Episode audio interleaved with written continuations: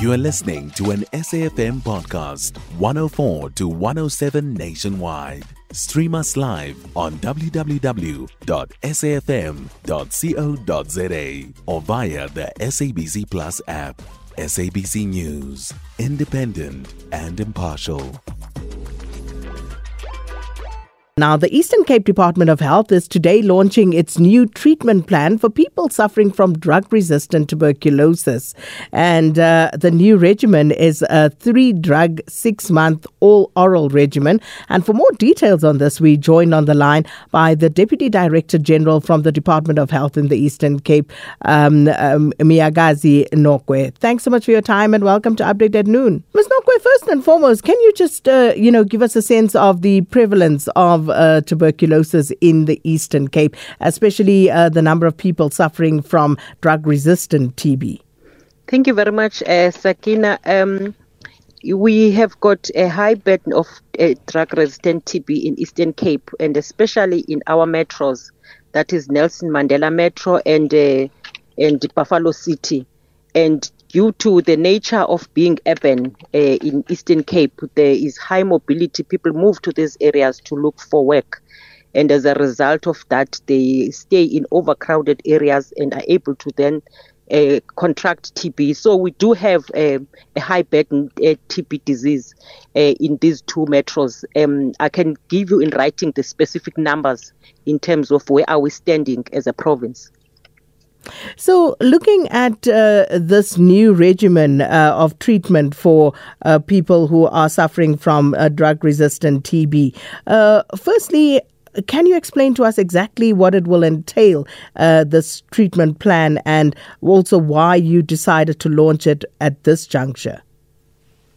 Okay, thank you very much. Um, this treatment plan actually is a really a very great milestone in the management of a drug-resistant TB patients. There has been an operational research which has been conducted by WITS Health Consortium in the province, and the site that was used was Joseph Pearson, but there were also other sites that were, that were implementing. And this uh, means that the patients uh, who were getting 23 pills a day for nine month regimen will now, with the new regimen, will get 23 pills a week for six months. And this is a, a BIPAL a, a regimen where we are going to give them bedaquiline, uh, pretonamide, linezolid, and levofloxacin. So this means that uh, there's going to be a high retention of patients in care as they will tolerate treatment better than the pill burden that they had initially with the longer regimen and many drugs that were, they were taking a day. And as a result, we are anticipating that there's going to be good adherence and improved cure rate to our patients. That is all what it, it entails, looking at the developments and what the new agents are doing in terms of the improvement in the cure rate. Actually, the, the, the study, the findings of the study are suggesting that out of every 10 patients that were given a treatment, and all of them, they were cured. And so far, no one has even relapsed on the treatment that was given during the study. And I think uh, that, of course, is a great outcome there, uh, Ms. Nokwe. Uh, but as you say, um, I, I, wasn't even aware that people um, who uh, suffered from drug resistant TB had to take 23 uh, pills a day. That that sounds crazy. Yes. And uh, yes. I can imagine, you know, what a relief this must be uh, that it's yes. been reduced so significantly. So one can immediately see the benefit in that. Uh, but then, is this going to be universally available in the province? Um, or is it only going to be rolled out in certain centers to begin with?